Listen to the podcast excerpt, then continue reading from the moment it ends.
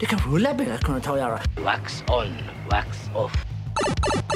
Nu alltså över till Fräcka Fredag med Malena Ivarsson. Det amerikanska bandet eh, W.A.S.P. We are Satan's people. They drew first blood, not me. He slimed me. That's great! Actual physical contact! Bengt-Åke Gustafsson. Åh, vad stark han är där igen. Albelin, och det är bra spelat och det är 2-2! Thomas Sandström som gör målet! There can be only one. Hej, har du tid en minut?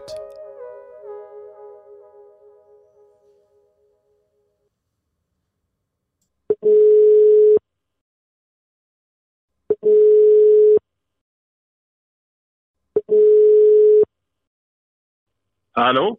Tjena Johan. Hur är läget? Jo, det är bra. Det är bra.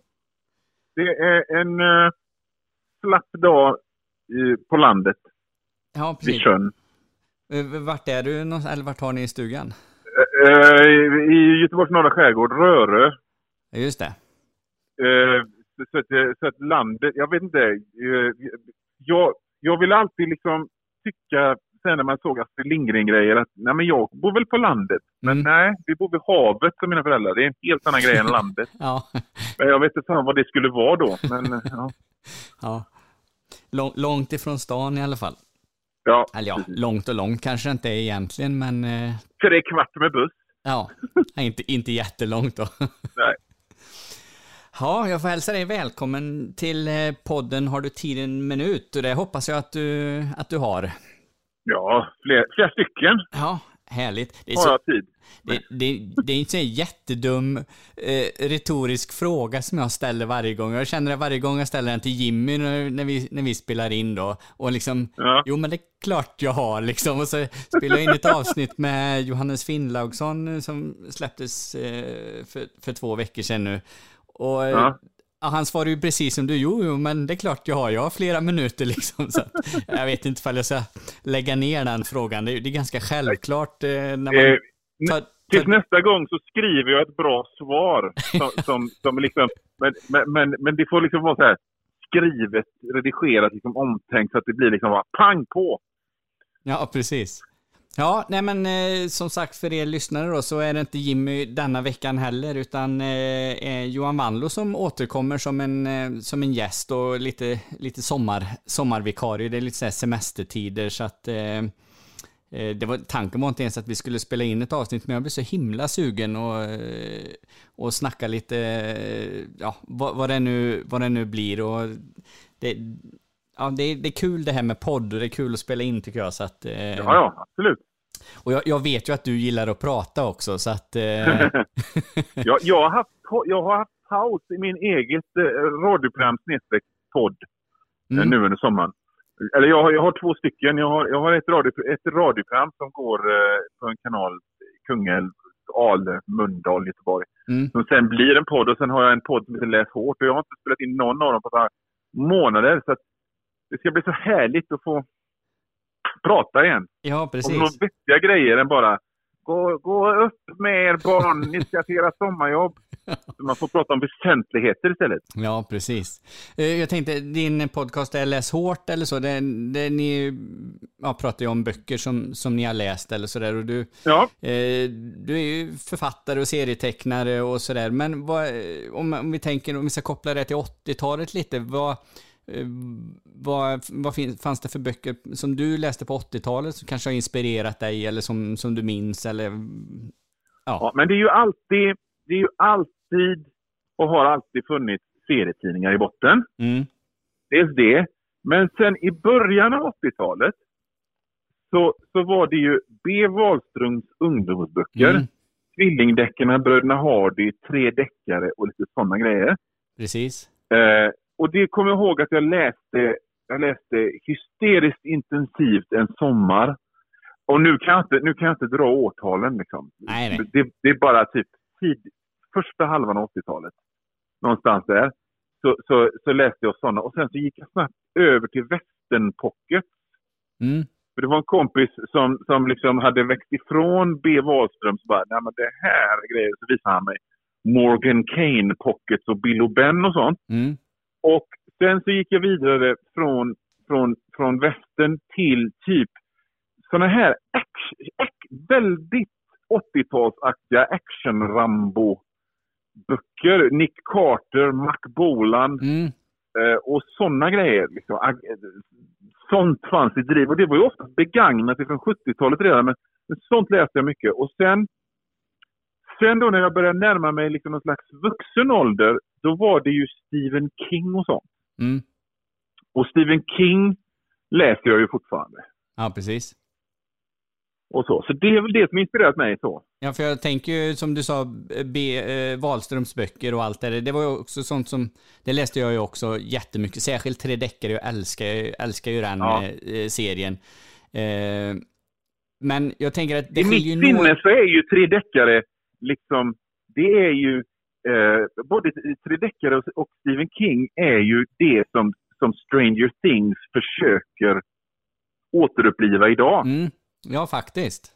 Så att där fick man ju se till Så att när folk frågar så här, har du sett Stranger Things? Du, det behövs inte. Jag såg E.T. på bio den 22 december 1982. Och jag har läst deckare och mm. Stephen King. Så det behövs inte. Nej, det, du har redan fått den dosen. Du sa eh, ja. eh, ett annat namn där som jag reagerar på, Mac Bolan. Eh, ja. Det, det, minns jag ju, det gick jag, vi hade en affär, eller vi hade till och med två affärer i det lilla samhället jag bodde i, Kinnarp, eh, när jag var liten. Och då fanns det ju ett större utbud utav utav litteratur än vad det finns i en, en butik idag, liksom, med, jag tänker med ja, ja. serietidningar och, och allting. Men även mycket de här, uh, vad kallar man det, palp? Pulpfiktion uh, eller? Ja, jag skulle säga kioskdeckare, men, Så, ja. men för, pulp är rent tekniskt från 20, 30, 40-talet och ja, var okay. tidningar. Men det är ju samma andas barn sådär, du vet med du vet, 300 böcker med exakt samma hjälte som återkommer och sådär va. Ja, precis. Så, visst, man kan ju säga så. Ja, nej men då stod, då, då vet jag att du gick dit och köpte den här Macbowlen, fanns ju i, som du säger i ett oändligt antal eh, versioner. Eh, inte jätteolik, eh, alltså storyn var ju typ densamma i alla böckerna, men ja, ja. så, men ändå jättebra och spännande. 10 spänn tror jag man fick betala för en mm. sån pocket på den tiden. Eh, ja. Eh, och det var ju inte så att man sprang dit varje dag och köpte en, för det hade man ju inte råd med. Men när man fick någon veckopeng sådär, så, eller månadspeng så, så eh, ja, jag, jag, tror att till och med jag har kvar dem någonstans, de här. Ja, men det, och det var ju, det var ju, det var ju sådana goa, för, för vi fick liksom, video var bara liksom, nej, nej, men ville man, och mina föräldrar var så jävla stolta över att jag läste.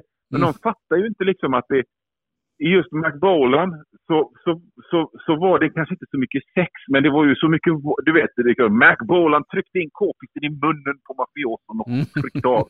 Du vet, det var bara så här, gott våld och du vet, i, ex, i varje McBolan-bok så finns frasen huvudet exploderade i ett rosa moln. I varenda en! och, och sen så fanns det också eh, Nick Carter och där, där, där i, eller talat pippades svinmycket i de böckerna och hade allt det här grissplattret. Så man satt ju och var 11 år och hade feber för att det var så jävla ballt. Ja. ja, men det var ju tur man kunde kamouflera det när du säger, som du säger, när man inte fick titta på, på eh, VHS-filmerna med, ja, vad, vad det nu var, Rambo och Cobra och, och allt detta liksom. Ja. Då fick, fick man det genom litteraturen istället. Ja, precis. Och, och mamma och pappa bara tyckte, åh vad fint att du läste Johan. Om de bara visste vilken skit det var. Ja, det är fantastiskt. ja, jag skulle inte vilja kalla det skit. Eh, Nej, eh, så här, alltså, om, man, om man tar McBowlen. De första 38 böckerna eh, är ju faktiskt skriven av en och samma kille. Mm. Och det, det handlar ju om hur, den är faktiskt rätt fascinerande för att McBolan är ju där någon slags antihjälte som han, han är en vigilante som, som har ihjäl mafiosos samtidigt som polisen jagar honom. Mm. Så det var ju Punisher innan Punisher. För mm. De här böckerna är från 70-talet. Och så sen så skrev eh, en och samma person, Don Pendleton, dem i, i ett tiotal, 15 år någonting. Och tills han tröttnade och sålde figuren eh, och då blev han någon slags terroristbekämpare. Då blev det plötsligt ännu mer 80-tal. För då var det plötsligt arabiska ninjor på motorcykel och grejer. och, men då skrevs varje bok av, det var liksom ett helt team med folk som, som skrev dem. Eh, och och då, det, då är de väl ganska ojämna. Men alltså de här, de här 70-talsmålen, de, de håller jag på och läser om nu. Ja, Och okej. jag menar, det är... Det är tajta böcker alltså. Det, det, det är inga mästerverk, men det är tajta små stories på, eh, på, eh, på 160 sidor. Eh, med början och mitten och slut. Och, det känns lite grann som tv-serier från den tiden. Mm. Och sen, sen jag bara måste bara säga, så länge vi pratar om bollen, så när jag, när jag läste de här då, så, så läste jag ju dem på svenska. Mm. Nu läser jag dem på engelska, men, men jag läste dem på svenska och så är det så skönt. Jag hittade någon för några år sedan, en, en svensk boll som bara bläddrade i och den var översatt av en sån jävla söderkis. Då var det liksom Bolans kärra jassade ner i diket. Minns jag väldigt väl. det tycker jag om. Ja. Eh, Skulle man kunna säga att eh, Jack Reacher-böckerna utav Lee Child heter han va? Att det är Ja. en eh, modern McBolan? Absolut, Ja. absolut, skulle jag. Det är liksom så här, som du säger, en 200 sidor, eh, gan- ganska simpel historia eh, Ja. om Jack Reacher som kommer till en stad, han träffar någon, han tycker något är, ja, det här går inte riktigt rätt till, eller det är ett mord, eller vad det nu är. Han ska lösa det. Han är också lite jagad utav, eh, eller ja, han, han är väl inte jagad eh, alltid utav lagen, men han, han står Nej. ju lite vid sidan utav samhället i alla fall. Liksom. Han lever lite Ja, off-grid så. Och så... Och jag menar, hade de böckerna kommit på 70-talet så hade det ju inte varit liksom en tegelsten om året som det är nu. Så det hade ju varit fem om året, fast tunnare. Ja, precis. Men de tycker jag verkligen har den, den, den, den stilen. Liksom, att det, de, är ju, de är ju helt utbytbara. Jag tänkte på det. Eh, när jag hade corona så, så kunde jag inte läsa. Jag var för dum i huvudet. Helt enkelt. Jag var för snurrig. Ja. Och så tänkte jag liksom bara, ja men fan om jag ger mig på något riktigt, riktigt enkelt. Så då lyckades jag med att läsa Lee Child i alla fall. men jag tycker de är bra faktiskt. Jag gillar dem. Jag läser dem eh, med stort eh, intresse faktiskt idag. Ja, nej men det, det är ju också, jag, det är en sån här bok som jag upptäckt, eller alltså man har ju alltid sett hans namn och tänkt, Ja, ja, ja. men, ah, nej, det, det där är väl inget, men ibland kan jag tycka att det är skönt att ta en bok, jag ska Mm. inte säga att jag läser tung litteratur på något sätt, utan det, det, är väldigt så eh, skönlitterärt. Men eh, som, som nu läser jag tredje delen i, eh, i Game of Thrones-serien, eh, Ja. och det är, det är typ tusen sidor som den är på. Den är, Mm. ganska, den är förhållandevis lättläst och jag tycker den är jättebra och sådär. Men när man har läst Mm. en sån tegelsten då, då är det himla skönt att ta den här Lee Child-boken om Ja. Jack Reacher. Man plöjer igenom dem på inte jättelång eh, tid Nej. liksom och man behöver inte fundera, man behöver inte ha det här eh, eh, släktträdet eh, i, i bak i huvudet, liksom vem Nej. är släkt med vem och vem har mördat vem och vem har gjort det och det, som det är då när Ja. man läser en Game of Thrones-bok som liksom, ja, du, du Ja. behöver ju liksom vara nästan släktforskare för att få, få ihop allting. Och det jag tycker det är så skönt med just Lee Child-böckerna, eh, Rachel-böckerna, att de faktiskt, de är faktiskt, du kan ta vilken som helst och du kan läsa den utan att ha läst någon innan. Mm. Du behöver inte vara i ordning, du kan, du kan börja på, jag, jag, alltså jag, för jag kände så här, man har alltid sett de där böckerna och jag har alltid känt mig lite så här, ja men det där är någonting som svenniga gubbar läser. och så, men så var det liksom någon gång jag, var, jag skulle köpa någon bok till min dotter, någon, någon, någon sån här, ja, det var någon, hon önskade sig någon bok och så var det så här tre, tre för en deal. Och då, då tog jag en till mig själv och så stod jag där med liksom den senaste Reacher-boken som var nummer 23 eller någonting. Ja, vad fan, jag tar den och så läste jag den och det var svinbra. Så jag, min första bok var nummer 23 så det går ju jättelätt att, att, att hoppa på liksom. Ja, precis. Det är ju precis. det är ett berättande som inte finns idag. För, för, liksom, det existerar ju inga, ingenting som har det här att man bara kan hoppa på. Det finns ju ingen, inte en tv-serie vars av story är avslutad idag. Nej. Eh, ingenting sånt. Och de ska ju göra tv-serier av Reacher nu. Och jag bara tänker, hoppas, hoppas, hoppas de kommer att göra liksom. Han kommer till stan, spöar upp folk, går vidare. Och så är det liksom status quo i nästa, men det jag vet ju att de inte kommer göra det. Så de kommer ju, det kommer bli en lång jävla ark och allting hänger ihop och sådär liksom. Jag tycker bara, jag kan sakna det ibland. Mm. Ja, men det, det, jag håller med dig. Det kan vara lite skönt att liksom få den här tv-serien, även fast man liksom kan se många avsnitt av den. Men man Ja. kan hoppa in lite. bara- Jag får sån här, jag vet inte ifall det har något med sommaren att göra och att det går mycket brittiska deckare på tv eller sådär. Men morden i Midsummer till exempel. Och Ja. Jag ko- kollar på någon annan nu. Den var visserligen i delar, men då, det, det var tre delar liksom. Ja, fine, det, det räcker. Men en sån som morden i Midsummer, det, det är ett mord. Man kan titta en och en halv timme. Sen, be, Ja. sen liksom måste jag inte se nästa avsnitt och jag kan hoppa tillbaka Nej. och se säsongen före om det är så liksom. Ja. Och vi, visst, det vore väl superhärligt med en Jack Reacher som, som var så liksom, att det är, att det är fristående avsnitt eh, och inte en lång eh, serie. Ja, vi får väl se, det är ju lite, lite spännande, det kan ju bli en riktig... Ja, jag såg eh, i alla fall en bild, jag kommer inte ihåg vad skådespelaren heter. Men jag såg en bild på eh, ehm, killen som ska spela ehm, Jack Reacher och det är fan bättre än ehm, Tom Cruise i alla fall. Ja. Eh, jag kan ty tycka så här att Tom Cruise, ja, jag jag gillar Tom Cruise, jag gillar Tom Cruise jättemycket. Jag har fått superstor respekt för honom de senaste åren. Jag har tittat mycket på eh, en YouTube-kanal som heter Corridor Crew. Eh, Ja. de, de jobbar med specialeffekter. Ja. Eh, så, och de har ett, eh, ett segment, eller eh, ett, en, vad ska man säga, ett, ett avsnitt, eh, en avsnittsserie som de lägger upp på YouTube. Eh, Som heter Stuntman Reacts.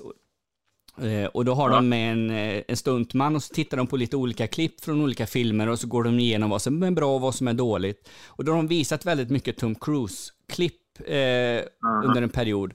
Och alltså, jag, de, de grejerna som han, som han har gjort, eh, man, man tänker ju liksom, man ha- hade väl lite sån här, den här avundsjukan sen 80-talet, liksom, alla brudarna gillar Tom Ja. Cruise för han var snygg i Top Gun. Så det, det hänger väl kvar. Så tyckte man, ah, men han är rätt dålig skådis, hans filmer är kass och sådär. Men eh, det, det, det tycker jag ju inte nu. Jag tycker ju att de flesta av Tom Cruise filmer är, är väldigt, väldigt bra. Jag gillar Mission Ja. Impossible-serien och allt detta. Ja, Eh, men det, jag måste säga att just Mission Impossible-filmerna, jag, jag, jag, jag brukar...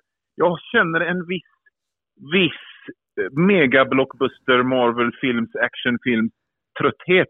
Mm. Men de gillar jag liksom. Mm. Jag, de, de, de, jag, jag gillar faktiskt dem, ja. Ja, fortsätt, förlåt. Ja, eh, jag vet knappt vart jag var på väg, men det gör inget. Men sidan, jag har fått en jättestor respekt för Tom, eh, Tom Cruise. Eh, men jag kan hålla med dig i det här då, som du säger, eh, Tom Cruise och Jack Reacher. Alltså, i- när, när jag läser Jack Reacher-böckerna, då ser Mm. inte jag, då, jag, jag ser liksom en, en ganska ärrad, eh, kraftig, muskulös eh, man. där, Lång lite- framförallt. Lång, ja precis. Och där, eh, det stämmer ju inte Tom Cruise in på det riktigt så, men ja, ja. Nej. Nej. Så, Men ju, alltså, apropå, apropå stuntmän och sånt. Mm. Det är, ju, det är ju visserligen fräckt att Tom Cruise gör sina egna stunts. Och jag menar, jag har ju alltid älskat Jackie Chan. Mm. Eh, du vet, så, liksom varenda, varenda Jackie Chan-film slutar med att han... eh, att det är liksom bloopers. Så I någon jävla film så är det verkligen hur han har brutit nacken och ligger på båren och gör tummen upp och ser glad ut. Ja, Men med det sagt, så när Roger Moore var James Bond, Mm. då vägrade han att springa. Okej. Så han hade liksom, han hade, han hade stuntmen när han skulle springa. Ja, okej. Och det är ju rätt coolt det med. ja. Va, nej, nej, nej. Jag tänker inte skynda mig. Det talar om lite vem som tycker att man är stjärnan på Ja, filminspelningen här. precis. Ja, ja. var, Och, och jag menar, då känner, jag- då känner jag en viss respekt också. Ja. ja, precis. Ja, verkligen. Eh, det var inte riktigt detta vi hade tänkt att prata om Nej, idag verkligen egentligen. inte. Men eh, det var ju som du sa när vi, när vi hade lite eh, konversation via Messenger, att det, det kan ju dra iväg lite åt olika håll det här och det får det gärna Det göra. drog bara- iväg direkt. Ja, precis. Bara det eh, vi förankrar den någorlunda i 80-talet i alla fall. Eh, Nej, men vi, vi tänkte ju faktiskt att vi skulle prata om ett gemensamt in, intresse som vi har. Vi tangerade ju det lite grann när, vi, när du var med senast. Vi, Ja. så, och det är ju eh, wrestling. Eh, Just det. Och vi eh, tänkte ju att vi ska hålla det runt lite 80-tals wrestling. Och jag måste ju säga då direkt att jag är ganska dålig på, på wrestlingen under 80-talet. Eh, jag började titta på wrestling så som många andra någon gång i början på 90-talet när, Ja. när det kom till TV3 och TV1000 och, och detta. Ja. Men det, några lyckliga få i Sverige hade ju tillgång till kabel-tv-kanaler redan på 80-talet som visade wrestling. Det var väl Sky Sports gissar jag på Ja. och sådär. Eh, eh, vi har pratat om detta i en, i en annan podd när jag hade en wrestlingpodd, men eh, vi drar det lite igen. När, när upptäckte du wrestlingen? Eh, Ja. Nej, men, men grejen är väl att det, det, det, det är väl... Alltså, jag upptäckte wrestling, att det fanns wrestling. Kanske 1989 någon gång. Mm. Och det var, det var eh, som sagt, jag har dragit den storyn förut. Eh, det var, jag, jag zappade mellan tv-kanalerna. Eh, och jag var hos min, jag hade inte kabel-tv eh, förrän jag var typ 23 någon gång. Mm. När jag flyttade till en lägenhet som hade kabel-tv. Eh, men jag, jag, jag, var hos min, jag hade sovit över hos min syrra i Stockholm. Det var någon här seriemässa jag var på. Och så zappade jag mellan kanalerna och så var det sport. Och då ska man, då måste man lägga till i denna story att jag har i alla tider hatat sport. och jag minns hur, hur, hur man bara, den här tryckande ångesten över bröstet när på den enda tvn med två kanaler så hörde man de här publikljuden från när pappa kollade på fotboll och så visste man okej, hela eftermiddagen kommer gå till att kolla på fotboll nu. Mm. Fan. Och jag försökte verkligen lära mig att gilla sport. Jag, jag, jag satt verkligen och tittade på fotbollsmatcher och jag bara somnade nästan. Alltså, så jävla tråkigt var det. Och det blev, ju, det blev ju ett stigma när man bor i en liten ort och inte fattar sport så hamnar man ju utanför. Mm. Och jag försökte verkligen och ja, det gick inte. Men i alla fall, spola fram tills att jag är 17, 18, 19 eller fan jag är. Och så sitter jag hemma hos min syrra ensam, för hon är ute och gör någonting. Och jag zappar. Och så får jag se Sergeant Slaughter hålla i en sko. Och det är ju liksom uppenbarligen en idrottsarena. Man hör de här publikljuden. Men där står någon och gormar och håller i en sko. Va? Jag tänkte, va? Vad fan är detta? Och sen så börjar själva wrestlingen och det, det, det, bara... What? Det här är ju... Det här kan jag gilla. Det här förstår jag.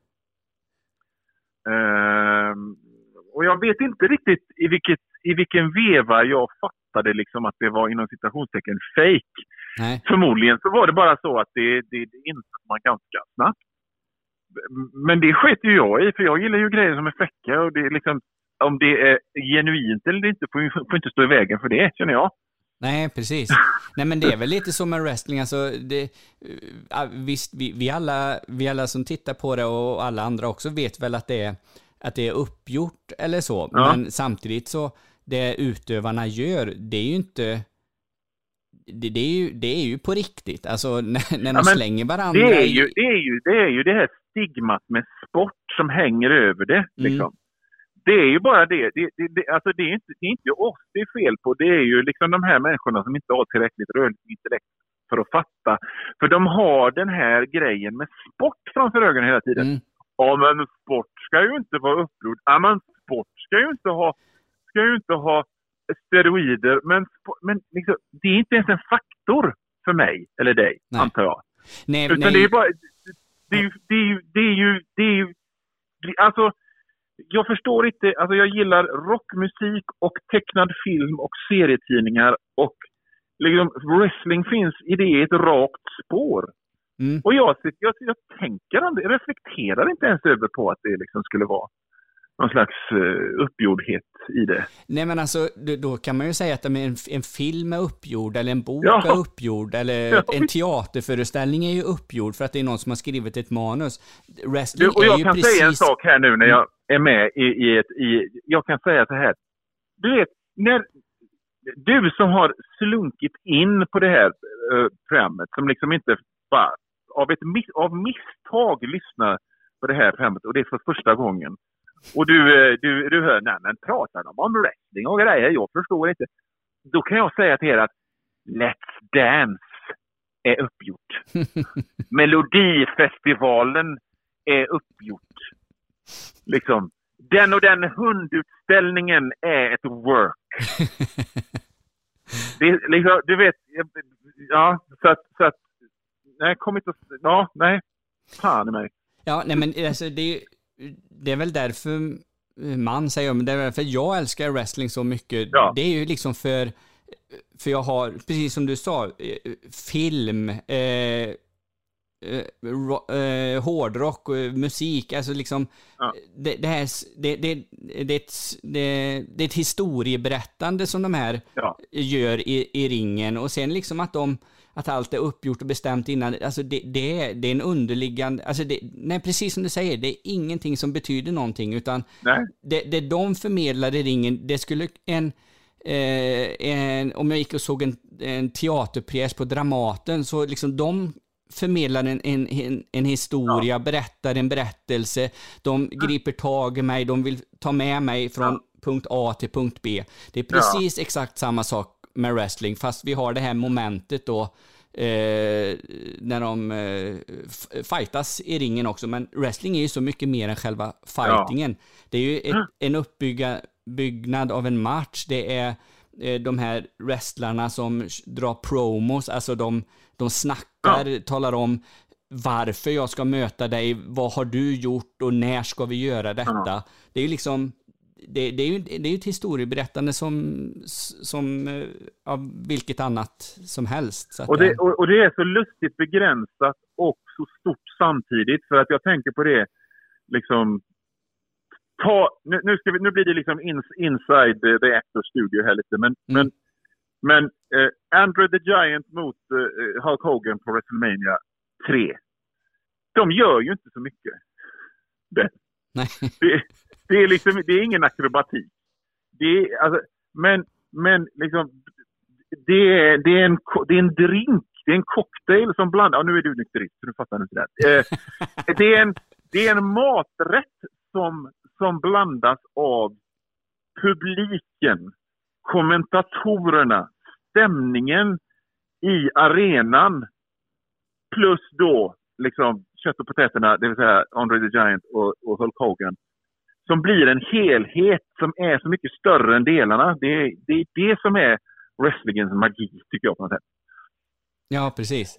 Eh, Ja. Om man tänker då wrestling på 80-talet, alltså wrestling har ju funnits som koncept. Jag, jag var, var tvungen att tjuvläsa lite på, på internet innan jag började, men eh, till, eh, redan så tidigt som 1830-tal i Frankrike fanns Ja. det de här kringresande cirkusarna då som, som hade de här eh, wrestlarna med, med, med namn som liksom gick eh, vi säger uppgjorda fighter bara för att det, det, det är lättare här då.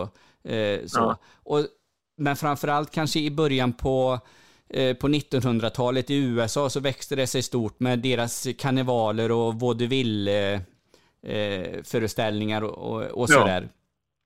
Eh, Ja. Men, och så har det liksom ökat fram till, men framförallt då kanske 80-talet, de kallar väl till och med 80-talet the golden age eller the golden era eller något sånt där liksom. Här någonstans så, så pikar väl wrestlingen. Eh, Alltså det pikar väl i, det pikar väl i, alltså nu, nu, nu är det killgiss här. mm. Men vad, om, jag har fatt, om jag har fattat allting rätt så fanns det en tid när publiken, alltså publiken som gick på wrestling var som störst 50, 60 och 70-talet Mm. faktiskt.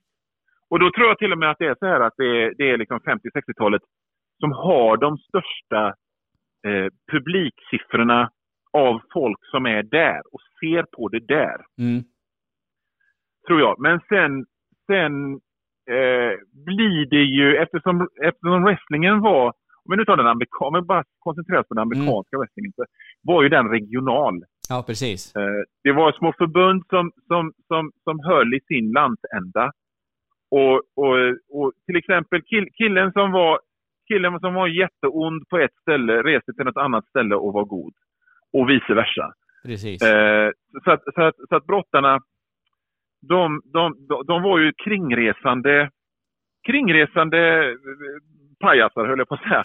Men, men, men, det var, så, så, men, men till exempel det fanns ingen, det fanns ingen eh, nationell liga, det fanns inga nationella radio tv-program.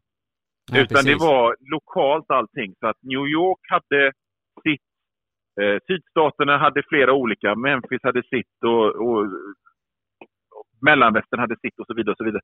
Men det var ju på 80-talet som, som det blev liksom en, en grej Precis. som blev stor. Och, och, och, och, och då, då, då var det väl det här Hulk Hogan och Rock and Wrestling och WrestleMania 1 till 3.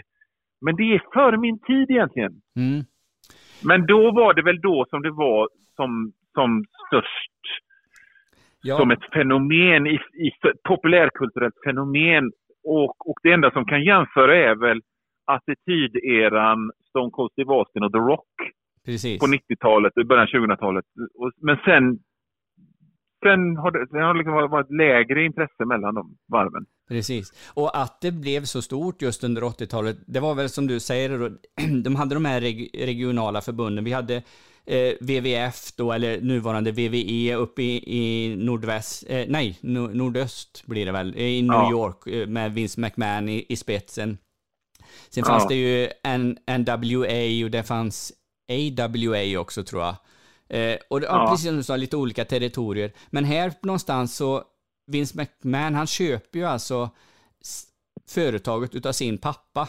Eh, Ja, och lyckades då fixa lite dealar med, med större tv-kanaler så att liksom wrestlingen blir, går från att vara regional och, till att bli nationell. Ja. Eh, detta tillsammans med då att Ted Turner eh, startar WCW och det blir liksom ett, ett litet krig mellan de, de här eh, framöver liksom om, om tv-tittare och allt detta. Det är väl det liksom som, som, som gör att wrestlingen eh, eh, ja, får, får större spridning och, och, och, och växer och, och, sådär. ja. Men nu är vi framme i 90-talet. Det bör sägas Ja. att, att det, det, är liksom, det är mitten av 90-talet när det händer. Precis, När precis. The Monday Night Wars är. Ja, precis. Men vi- eh, WCW, eh, har jag fel när jag säger att det startade under 80-talet eller är det en förlängning av NW? Ja, men det är det väl. Alltså, Ja. jag, jag har för mig att, att NWA... Om, om man tittar på WWE Network så, och tittar på NWAs veckoprogram Mm, så någonstans 88-89 så, så byter det namn till World Championship Wrestling. precis. Men- Då, eh, World Championship Wrestling var ju fortfarande en del av NWA och det fanns andra bitar av NWA-förbund på andra ställen också. Eh, om jag Ja. fattar saken rätt. Ja, Men jag kan ha fel. Eh, men, men så är det i alla fall. precis. Eh, och liksom, eh, ja, för jag har ju hört, jag har hört mycket wrestlingpoddar och sådär och bland annat en wrestlare då eh, eh, som heter Chris Jericho. Ja, just det. Eh, eh, han berättade i någon podcast, liksom, när han började då med, med wrestling, eller inte när han började, utan när han eh, tittade på wrestling när han var liten. Liksom. Det var ungefär som det var med musik, kanske på 80-talet, det är tape trading. Ja, ja, Eh, ja. Man, liksom, man bytte kassettband med varandra liksom, och, och sådär. Exakt så var det i USA då med, med, med wrestling. Ja, man fick tag i någon, i, i någon VHS-kassett från eh, ett regionalt för, förbund i, i Kanada till exempel. Och, och så i, i olika communities. Så, byt- så att det var inte säkert att de här wrestlarna som var jättestora i New York, nere i södern eller någon, i någon annan region, då hade man ingen koll på dem för att de fanns Nej. inte på nationell tv. Idag tycker vi sånt här är så självklart oavsett vad, Ja, vad det gäller då. Eh, Det behöver inte bara ha med wrestling att göra utan det kan ju vara musik eller, eller vad som helst. För vi, vi har så lätt att, att få tillgång till, Ja. till allt via internet och YouTube och, och allt det här. Så att, eh, Ja. det, det, det är ganska fascinerande på, det är, det är inte supermånga år sedan, eh, eh, ja, det är ju 30-35 år sedan, men, men ändå liksom. Eh, Mm. sådär. Men vad, eh, eh, jag vet ju när vi har snackat wrestling förut, du, du, det finns ju olika typer av, eh, av, av wrestlare, men du, du har ju en fäbless, om jag eh, får säga det, för de här eh, stora, eh, lite biffiga, lite överviktiga tungviktarna Ja. som, som gärna eh, köttar på varandra. Eh, vad har du för favoriter från Ja, men det, det, då, 80-talet. då, kommer vi till, då kommer vi till 80-talet. För, för, för, som sagt, eh, brasklappen här. Jag började inte kolla på, på wrestling regelbundet. Jag, liksom, jag, var, ö, jag var ganska överårig och det var, det var ändå början på 90-talet. Men jag, jag, jag sökte mig ju ganska snabbt tillbaka. Och jag har en sweet spot med wrestling från säga 85 till 92. Mm. Och det är just den här NWA World Championship Wrestling-eran. När, när, när brottarna då var... De, de, det, det är tydligt att de går till gymmet. Men de, det, här, det, här med, det här med att deffa och att äta rätt och sånt, det skiter de fullständigt i. Mm. För att de, de, de, de, de, är, de, är, de är tjocka och vältränade samtidigt. Och, och just, jag har ju en, när de, när de ser ut som, och nu får ju ni som lyssnar som inte fattar vad vi pratar om, ni får snabbt googla här. Men en favorit är till exempel Dusty Rhodes. Mm. Och Dusty Rhodes är en stor jävla köttbulle. Han är liksom en, en, ett klot på två långa ben. Och hans, hans, hans profil är liksom att han är en sexsymbol. Och det köper man. Liksom den här, han, har, han har stora mansbröst och han är jättetjock men han rör sig snabbt och smidigt. Och han, han, han, han pratar hela tiden om hur, hur snygg och hur slick han är. Sen finns det en annan kille som jag älskar som, som hette, han är tyvärr död nu, det är Dusty Rhodes också, men Big Boss Man. Mm. Som också var en koloss. Som verkligen också var ett klot, men han var mer fyrkantig. Och så två långa spindelben till... till och det, det är just extra fascinerande när de är sådär stora och kan röra sig snabbt. Det, det, det är det bästa jag vet alltså. Mm. Så att, så att eh, Hulk Hogan är ju en, är, är ju en, en eh, han är ju för fan eh, som en sån bodybuilding, eh, så, sån här som tävlar i bodybuilding i små tangatrosor i jämförelse med, med de här, de här fläskahuvudena som jag gillar. Ja, ja, precis. När de, när de drabbas samman. Men jag tycker liksom bara det ser så jävla... Det är så fräckt när de, när de brakar ihop. För att liksom där, där kommer 170 kilo från det hållet och där kommer 170 från det, kilo, från det hållet. Och de också kan röra sig, det gillar jag. Sen så finns det ju sådana här som jag också älskar att titta på som Abdullah the Butcher. Som är... Som, han har väl inte gjort ett wrestlinggrepp i hela sitt liv utan han, han tar fram en gaffel och börjar karva i folk. eh, ett, ett, han har stora jävla djupa fåror i, i huvudet där folk har skurit honom och där han fått så... Det räcker med att någon bara liksom bonkar till honom så börjar det bara spruta blod i ansiktet på honom. Det är hans gimmick. Mm. Så att i varje match så tar han fram den här gaffeln och ska ge sig på någon. Den här domaren eller motståndaren får syn på det, får stopp på det och smockar till honom så att, han, så att blodet börjar rinna. Det är också fräckt. ja, vi... jag, jag vill bara påpeka att jag kan, jag kan gilla en, jag kan gilla en, en, en modern wrestlingmatch i, i AEW eller Ring of Honor eller någonting när de gör en Hurricane Rana från topprepen och sånt också. Men, men liksom, när, man, när, jag vill, när jag vill gå in i en nostalgisk sweet spot av åh, det här gör mig trygg och glad, så är det liksom sånt. Mm. Precis. Eh, om, om du skulle sälja in wrestling till de som lyssnar nu och, och inte eh, och inte kollar på det så som, som vi kollar och har kollat på det. Vart, vart ska de börja någonstans? Ja du, vart fan ska de börja någonstans? De ska fan inte börja med WWE i alla fall. För det är obegripligt idag. Mm. Eh, de, de, försöker, de försöker locka till sig liksom såna här casual-tittare så jävla mycket så att de har förlorat greppet helt om vad folk som gillar wrestling gillar. Så att det är liksom, du vet, det, det, det, visst, de, de är duktiga de som utför greppen och som brottas, men de är samtidigt jag kan inte relatera till någon av dem. Jag kan inte relatera till storyn eller eh, relater, relatera till någonting överhuvudtaget. För att det, jag, jag, jag har liksom inte tittat på WWE, WWE på två år nästan. För att det är så jävla kass idag. Utan jag skulle väl rekommendera Liksom, vad, vad, vad är din smak? Gillar du kaos och våld och blod och sånt så, så, så skriv ECW i Youtube. Mm. Eller, eller, eller för, för många, många av moderna förbund eh, har ju sina egna Youtube-kanaler och till exempel eh, AEW som är den stora uppstickaren idag som jag tycker väldigt mycket om. De har ju åtminstone två, liksom de har ett veckoprogram som är deras riktiga veckoprogram, men så har de liksom åtminstone två program till där man får se de lite mindre brottarna eh, hålla på. Mm. Och det är ju, det är ju och liksom om, du, om du är sugen på modern wrestling så ska man ju kolla på det. Eh, och sen, liksom många, många som är sådär lite nyfikna på wrestling, de, de tänker alltid på masker och, och, och sådär. Och då, om du, om du liksom inte bryr dig om kommentatorer så finns ju, då finns ju mexikanska förbunden AAA och Mm. jag tror det heter CMLL Ja, exakt. eh, så, som lägger ut veckoprogram, har jag för mig, på Mm. Youtube. Eh, med sina, och, och liksom, det är ju...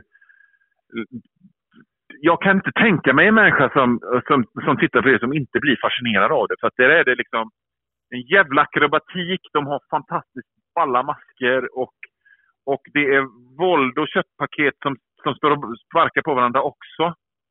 Eh, japansk wrestling tror jag många skulle fastna för som inte kan, som kan wrestling. Jag tror många skulle gilla det. Ja, Det är för, också gripande och sådär. ja, men, ja, men det är det ju. Och japansk wrestling, om vi nu, om vi nu ska göra det här likhetstecknet, vilket vi egentligen inte ska göra med sport då, men japansk wrestling, hur ska vi kalla det? Alltså, ska vi...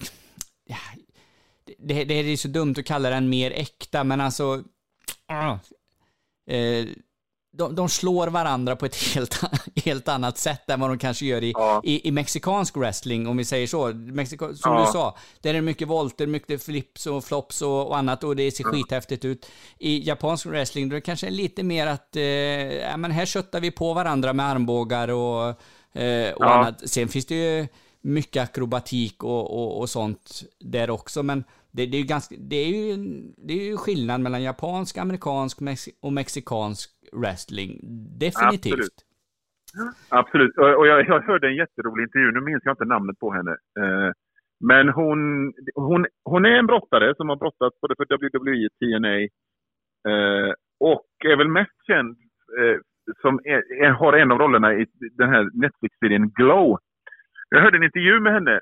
Och är det Awesome Kong, tror Ja, det är det. Karma heter Ja. hon i VV, VVE där. Ja. Eh, och hon, hon berättar, eh, liksom, ho- hennes, hennes väg till wrestlingen var ganska ro, liksom, intressant. Hon var socialarbetare och ägde, ägde liksom sån här eh, vending machines, du vet, stoppa in en femma så får man en dricka. Liksom sånt. Ja, Det var hennes jobb. Och så på något sätt så, i alla fall, hon åker till Japan och börjar brottas i Japan och lär sig brottas i Japan. Mm. Och så håller hon på där i några år och så kommer hon till USA och så gör hon som hon har blivit lä lärt sig i Japan och de andra bara säger till Hörde du, eh, så det gör vi inte här. Utan man kan göra så här så att man inte slår den andra personen i ansiktet på riktigt. Och hon bara, jaha, kan man det? Så att liksom, hon hade bara lärt sig att man dammar på folk på riktigt.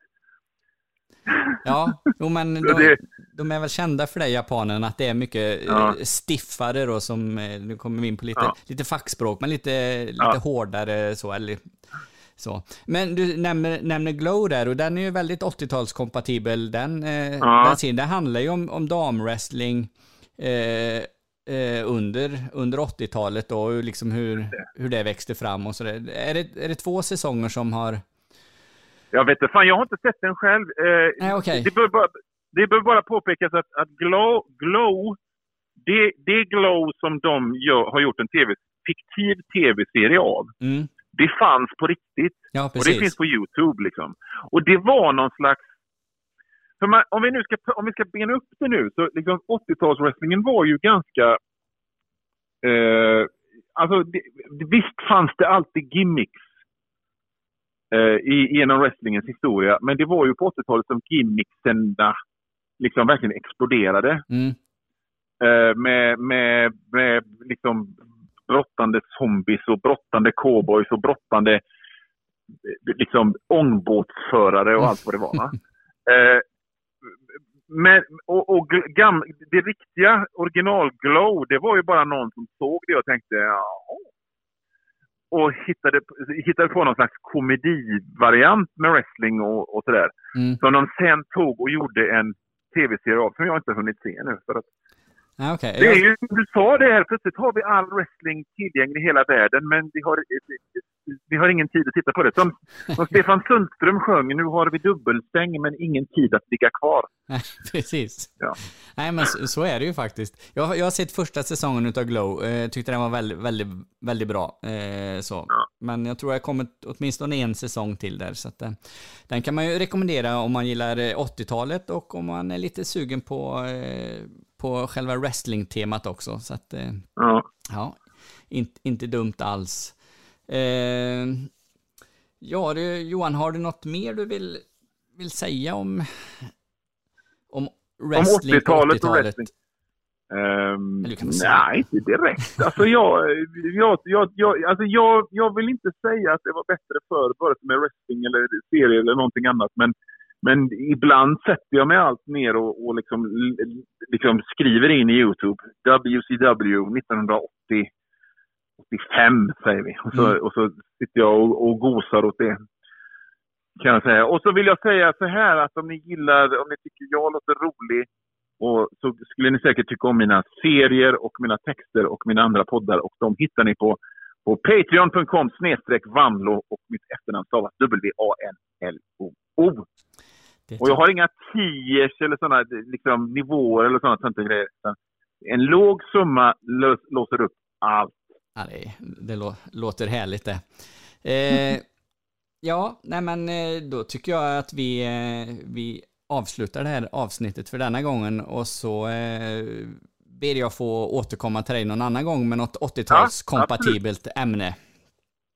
Absolut. Det var kul att få vara med. Ja, det är alltid kul att prata med dig Johan. Eh, tack till er som har lyssnat och eh, hej då!